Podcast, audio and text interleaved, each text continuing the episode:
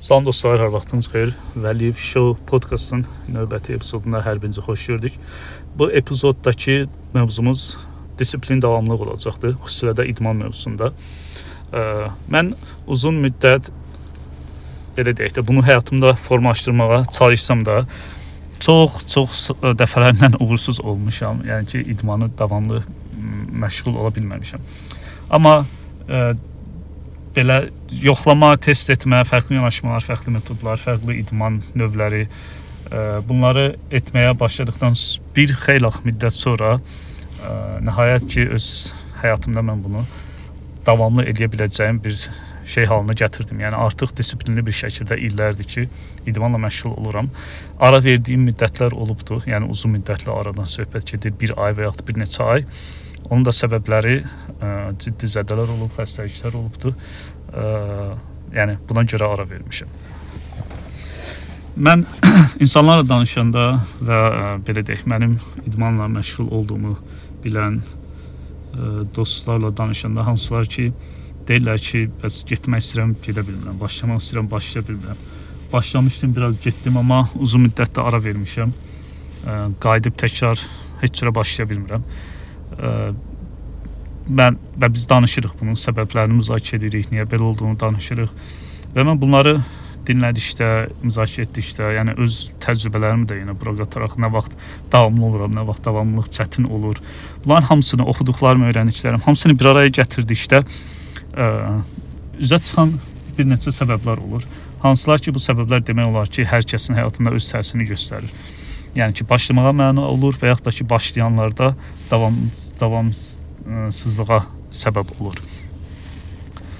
Bu səbəblər belə qısa desək, çox böyük motivasiyadır, xəyalpərəstlikdir, qısa müddətdə çox şey əldə etmək istəməkdir və idmanın idman etmənin bizim üçün nə olduğunu aydınlaşdırmamaqdır.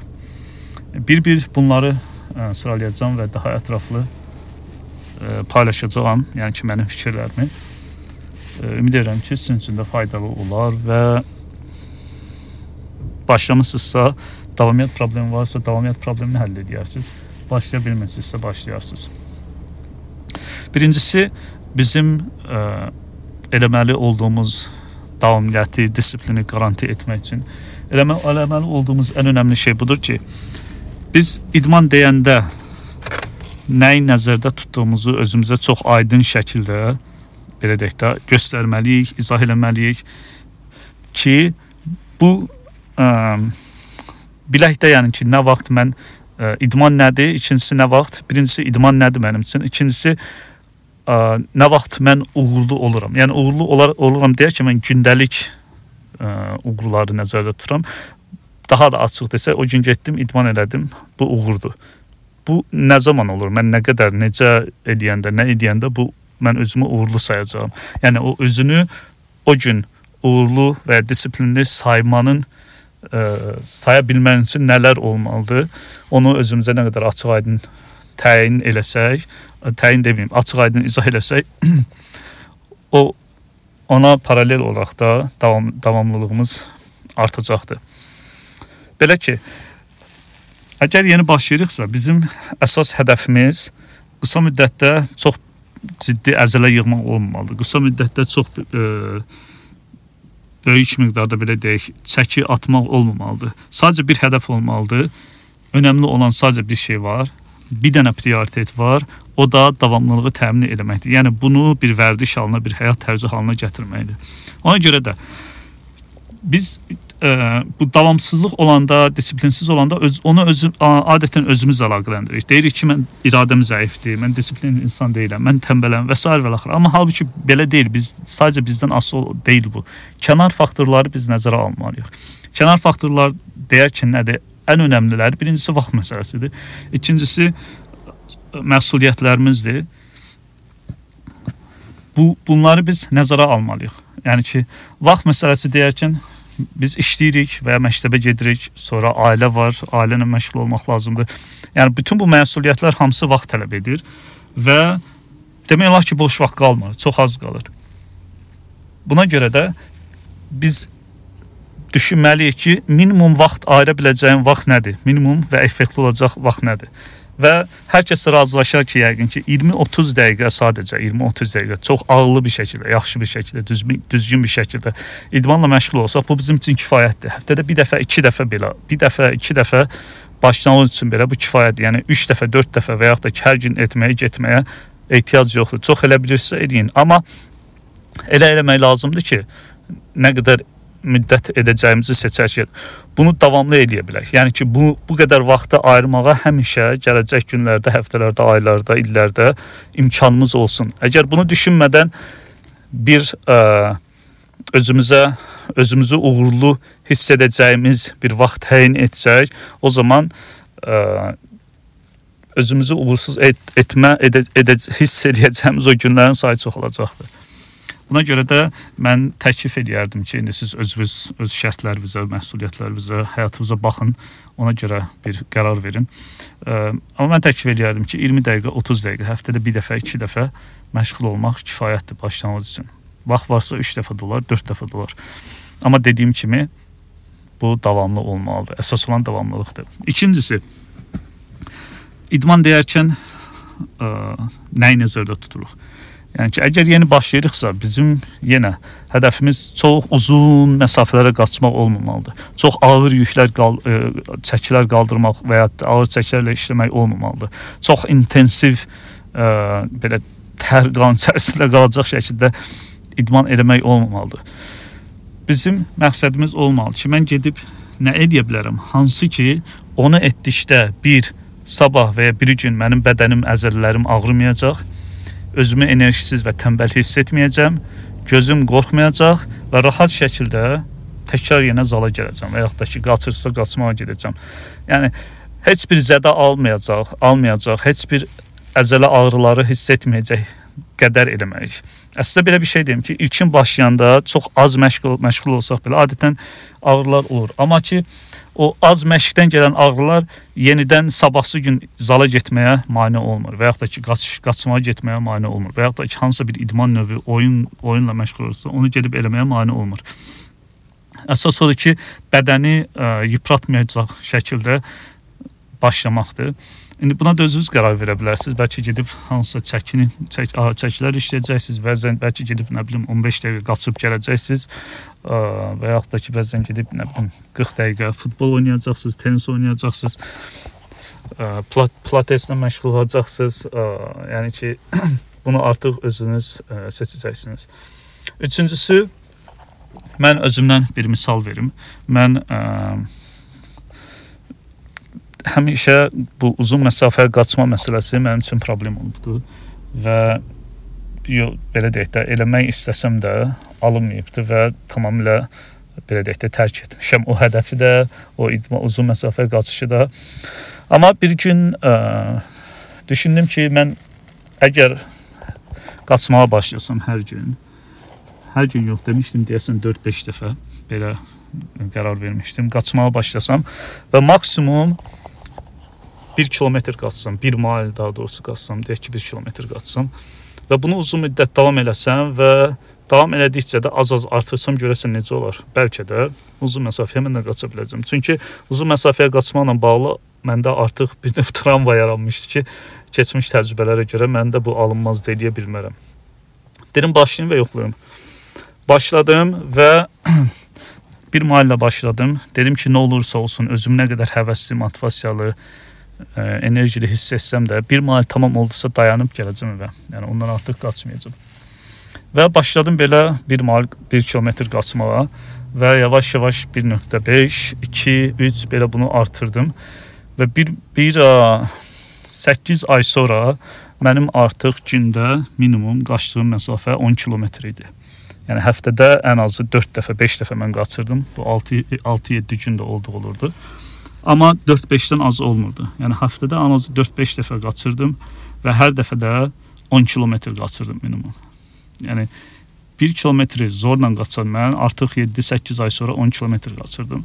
Ondan sonra yarım marafon qaçdım, ondan sonra tam bir dənə marafon qaçdım və mənim üçün çox əla bir ə, təcrübə idi və siz də bilirsiniz ki, insan heç vaxt edə bilməyəcək düşündüyü bir şey etdikdə nə qədər özünlə bağlı fikirləri dəyişir, özünə olan hörməti dəyişir.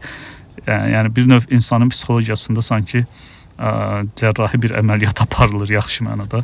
Yəni insan psixologiyası dəyişir.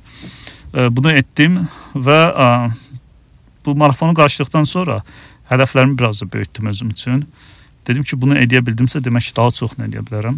Amma qısa bir müddət sonra ə, çox ağır bir zədə aldım və qaça bilmədim. Çox uzun müddət qaça bilmədim.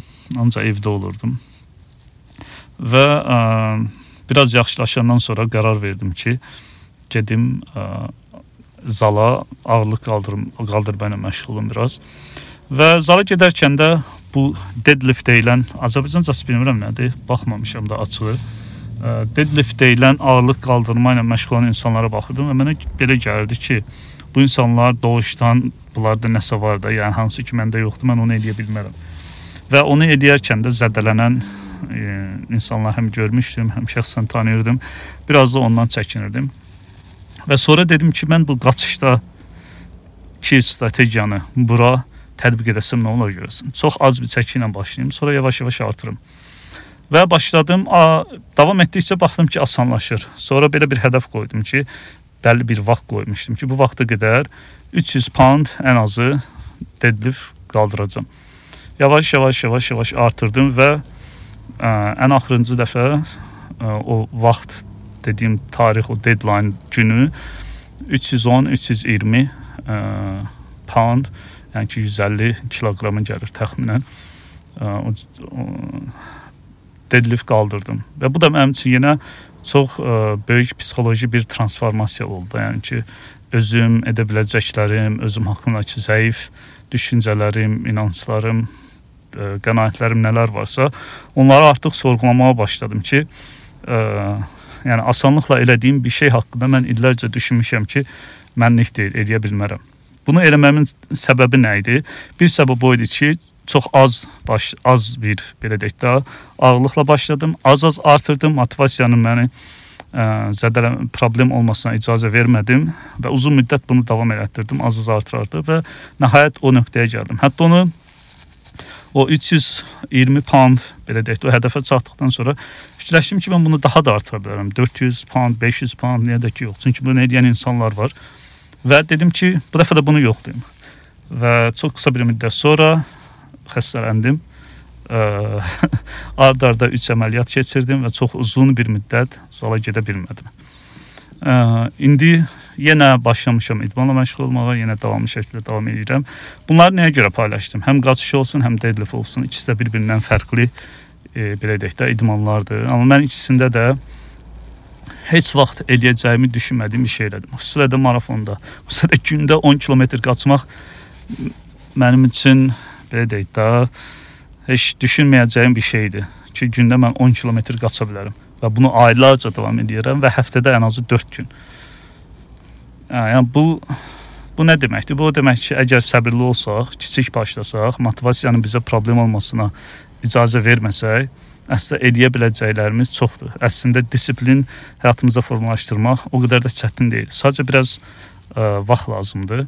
Səbirli olmaq lazımdır. Burada önəmli olan bir şey də motivasiyadır. Bu da növbəti paylaşacağım, paylaşacağım metoddur. Bizim hər birimizin ə, Instagram, Facebook, YouTube, ə, nə bilim TikTok, harda nə nə işlədirsinizsə, nələr işlədirsinizsə, orada gördüyümüz, izlədiyimiz ə, idmançı insanlar var, xanımlar və yaxud da ki bəylər. Bunların çox əla bədən fiqurası var, çəki, ə, bədən fiqurası, əzələ, ə, yəni hər şey çox əla görsənir və biz bunlara baxıb motivasiya alırıq və istəyirik ki, onlar kimi olaq. Amma belə bir şey var ki, o insanların əksəriyyəti, yəni ki, bu gün bu çox məşhurdur. Fərqli dərmanlardan istifadə edirlər. Hansılar ki, uzun müddətdə insan sağlamlığı üçün zərərli olan şeylərdir. Və o dərmanlar belə deyək, o prosesi sürətləndirir. Əzələ yığma olsun, çəki atma olsun. Xüsusilə də bu əzələ yığma daha daha çox istifadə olunur. Və biz onlar kimi olmaq istəyirik və bunu qısa müddətdə eləmək istəyirik. Yəni ki, motivasiya bizdə var. Təsəvvür edin ki, mən də el olacam və bu çox böyük bir yanlışdır, çox böyük bir səhvdir. Birincisi biz o insanların necə, hansı idmanla, hansı qidalanma ilə ora gəldiyini bilmir. Bəzən o e, hansı idman və qidalanma la ora gəldiklərində deyirlər, amma onlar da doğru deyil. Çünki o istifadə etdikləri dərmanları və s. heç bir zaman paylaşmırlar və təmiz olduqlarını deyirlər. Əslində təmiz deyillər.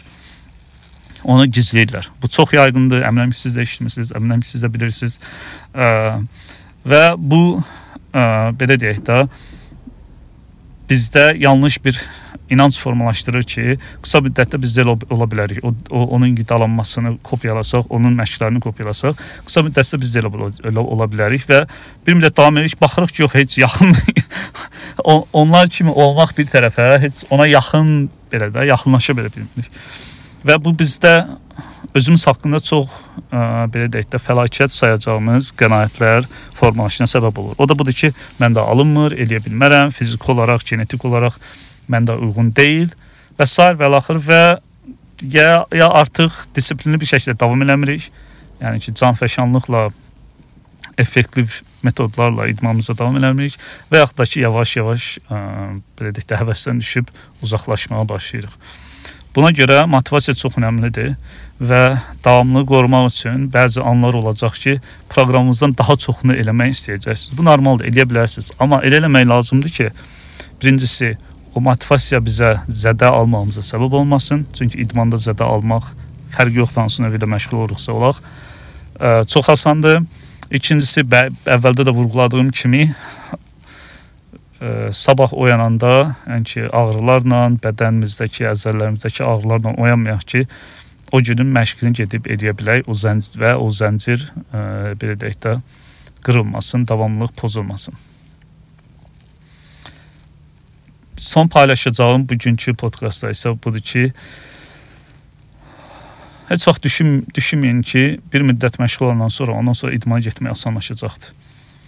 Ə, xeyr, həmişə çətin günlər olur. Çətin günlərdə nəzərdə tutduğum o günlər ki, getmək istəmirsən.